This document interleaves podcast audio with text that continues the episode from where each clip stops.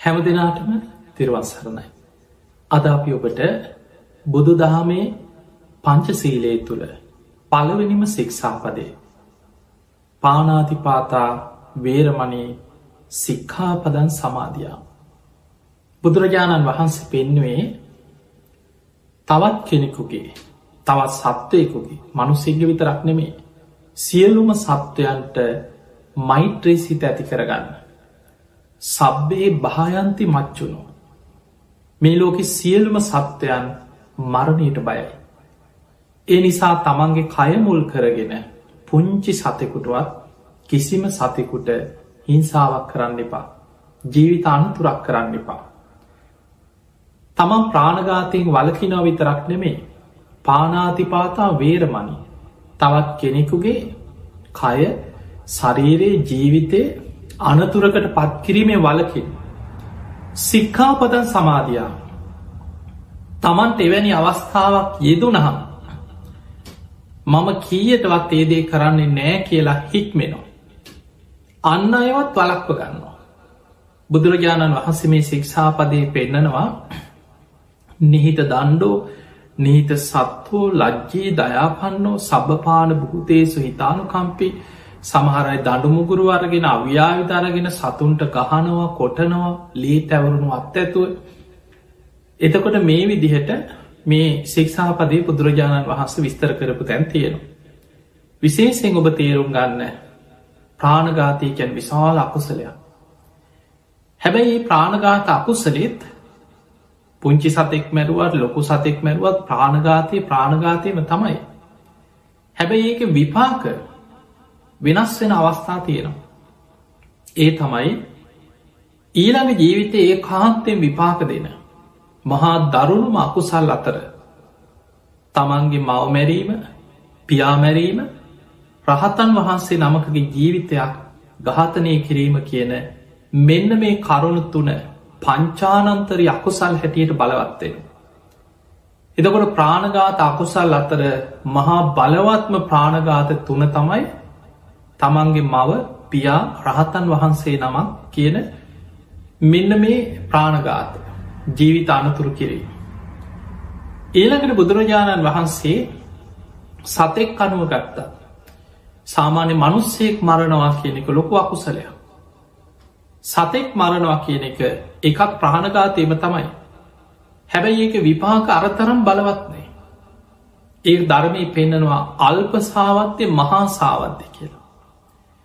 කෙනෙකුගේ සිල්වත්කම මත්ද මනුස්ස ජීවිතය වුණත් කෙනෙක් බොහොම සිල්වත් ගුණවත් ධර්මය දියුණු කරන ගුණධර්ම වඩන කෙනෙක්න සාමාන්‍ය මනුස්සේ තමන් අතින් මැරෙනවට වඩා විපාක බලවත්. සතුන් අතරක් ඒ ඒ සත්වයන්ගේ ඒ ප්‍රමාණය විශාලත්ත මේවානුවත් අකුසලේ වෙනස් වෙනවා. මොකද මං ඔබට මේක පෙන්වේ මොකද බොහෝ දෙනෙකුට කූම්බියෙක් මරණයකද අලියෙක් මරණයකේද අකුසලේ වැඩි. එහෙම අහන දෙකම ප්‍රාණගාතය තමයි මතක තියාග දෙකම අකුසලයක් ප්‍රාණගාත අකුසලයක් සිද්ධ වෙනවා. හැබැයි ඔබම හිතන්න කෝමියෙක් බැරිවෙලා හරි ඔබේ අතික් මැරෙන්න්න හෝ මදුරුවෙක් මරණවා කෙළෙතා. ඊට වඩා අලියෙක් මරණකොට කෙනෙක් කොච්චර සැලසුමක් කරනවාද. කොච්චර අකුසල සිතුවිලි හිතනවද. එක පාටශනයෙන් නිකං මදුරුවෙක් මැරෙනවගේ අලියෙක් මැරෙන්නේ. එතකොට ඒ වෙනුවෙන් හිතන චේතනා ඒ වෙනුවෙන් කරන සැලසුම් සකස් කිරීම උපක්‍රම ඒ සියල්ලත් එක් එක මහා සාවත්‍ය පැත්තට වැටෙනවා පුංචි සතෙකුට වඩා. දැම් බලන්න ප්‍රාණගාතයක් සම්පූර්ණ වෙන්න බුදුරජාණන් වහන්සේ පෙන්න්නනවා පණ ඇති සතෙක් කියල දැනගන්නට ඕන. මරන්න උපක්‍රමයක් යොදන්නට ඕන. මරණ චේතනාවක් ඇතිවෙන්නට ඕනෑ. ඒ උපක්‍රමේ මුල් කරගෙන ඒ සතා මේ යන්නට ඕන. දැන් අපි හිතම් කවුරු හරි සාමානය අපි හිතම් වැද්දෙක් ගැන හිතා. වැද්දෙක්. සතෙක් මරන්න කියලා හිතාගෙන දැන් උපක්‍රමයක් වෙදනවා. දැන් අපි කමු ඊතලයක් කරගෙන ගිහිල්ල කැලේකට ගිහිල්ල හැඟිල මුවෙක් ඉලක්ක කරලා දැන් ඊතලේ විදිනවා. අන්න මුවා අදුන ගත්තා ඊළඟට සතෙක් කියල පණ ඇති සතෙක් කියල දැනගත්තා. උපක්‍රමයක් යෙදවා. ඊතලේ විද්දා.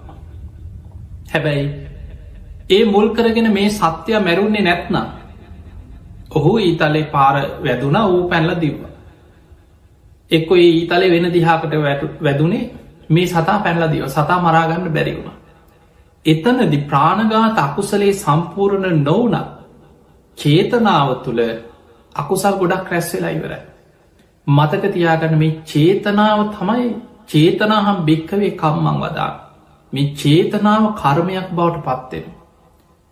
චේතයිත්වා කම්මං කරෝති කායේන වාචාය මනසා. ඒ චේතනා පහල කරලා අපි සිතෙන් කයෙන් වචනේ මේ තුන්දොරින් අකුසල් රැස් කරන. ඔබ ප්‍රාණගාත අකුසලේ සම්පූර්ණ කරන්න පෙරම ඒ ප්‍රාණගාත සිතුවිලි තුළත් ඔබේ ජීවිත අකුසල් ගොඩක් රැස්වෙන. සතෙක් මරන්න හිතනකොටම ඒ මුල් කරගෙන ඔබේ හිතේ දවේශ සහගත අකුසල සිතුවිලි හටගන්න.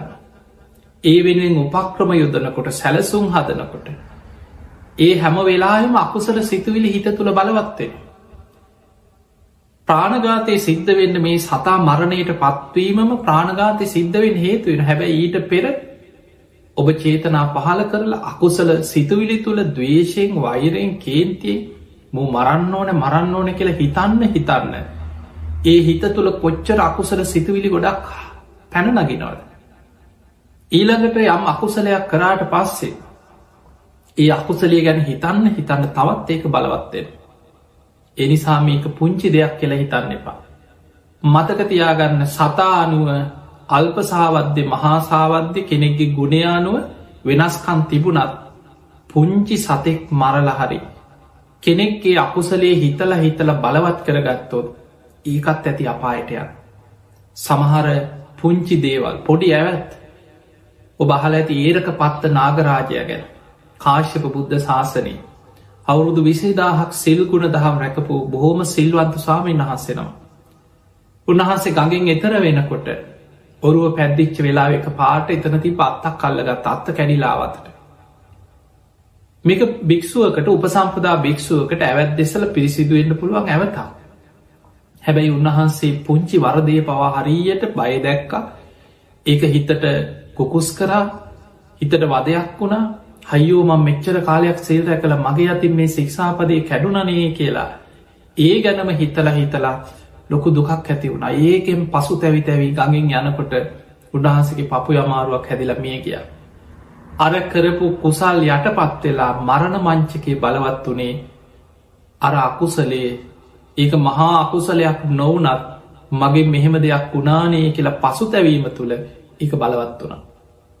එනිසා පිංහතුනේ අපේ හිතන ක්‍රමය අපේ සිතුවිලි අපේ අකුසල් බලවත් වෙන ගොඩාක් හේතුවෙන් ඒ නිසා දැන් ඔබට අපි දන්නවා මේ බණටි කහන්න කලින් නොදන්න කාලේ පුංචි දරුව ඔය පොඩි දරුව පුංචි කාලෙ කොච්චර ප්‍රාණඝාත කරනවද පොඩි සත්තු අල්ලගෙන අපි දන්න සමාර පුංචි බත්කූරු අල්ලගෙන එක්ක අඩු කණ්ඩනවා සමාලාරන් නැත්තේ නූල් කෑලි ගැට ගහනවා. අනේ සත්තුන්ගේ නැට්ට කෑලි කැඩිලෑනවා පොඩිස් පුරුමිනිිය අල්ලගෙන අඩු කඩනවා පුංචි දරුවෝ.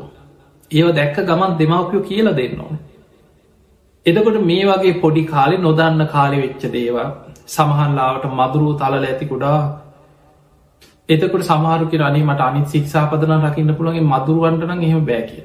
එතකොට මේ වගේ මිනිස්සුන්ගේ ජීවිතවල මෙවැනි අපි කොච්චර පන්සෙල් ගත්තත් කොහෙන් හරි සම්පූර්ණ නොවෙච්ච මේ ශික්ෂාපති රැකගණ්ඩ බැරිවිච්ච තැන් තියෙනවා.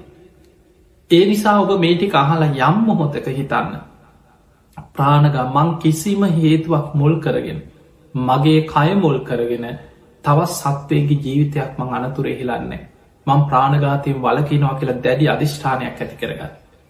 ඒ අධිෂ්ඨානය දැන් ඔබ ඇතිකරගත්ත වගේම ඔබ පැරණි අකුසල් වෙච්ච දේවල් පරණ දේවල් ඔක්කෝම හිතෙන් අයින් කරන්න. ඒක තමයි උපන්නාව අකුසල් ප්‍රහාණය කරලා නූපන් කුසල් බලවත් කරගන්න ක්‍රමේ උපන් අකුසල් ප්‍රහණය කරන්න. පැරණි දේවල් හිතන්න හිතන් ඉස්සර මං මෙහෙම කර අයෝ දන්න ඇති කාලෙ මෙහෙම සත්තු මැරුව සමහරම්මල කියනවානේ ඉස්සර මං මී පාසානන් තියල තියෙනවා භාවනා කරන්නගේ හම ඒක මතක්කෙන දැ මේ පරණීවා. ඒව හිතෙන් අමතක් කරන්න. හිතෙන් බැහැර කරන්න. අංගුලි මාල මහරහතන් වහන්සේ සී කරන්න. උන්වහන්සේට පුළුවන් වුණා තමන්ගේ ජීවිතයේ මොනතරම් පාපි අකුසල් කරගත්ත කෙනෙක් දේ කාලි.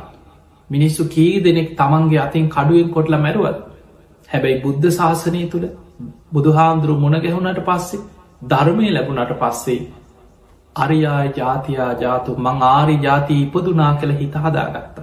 අලුතෙන් ඉපදුනා කළ හිතුව. ඒ නිසා ඔබ පන්සිල් සමාදන් වනාට පස්සේ. පෙර වැරදි හිතෙන් අතහැරල මං අලුතෙන් ඉපදුනා කළ හිතන්.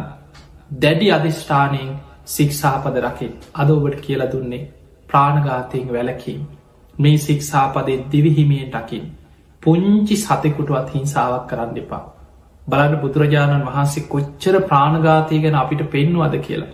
භික්‍ෂුවකට බුදුරජාණන් වහන්සේ අටපිරි කරේ නොපෙනෙන පුංචි සතුන් ගැන පවා පෙරහංකඩයක් පෙන්නල දුන්න.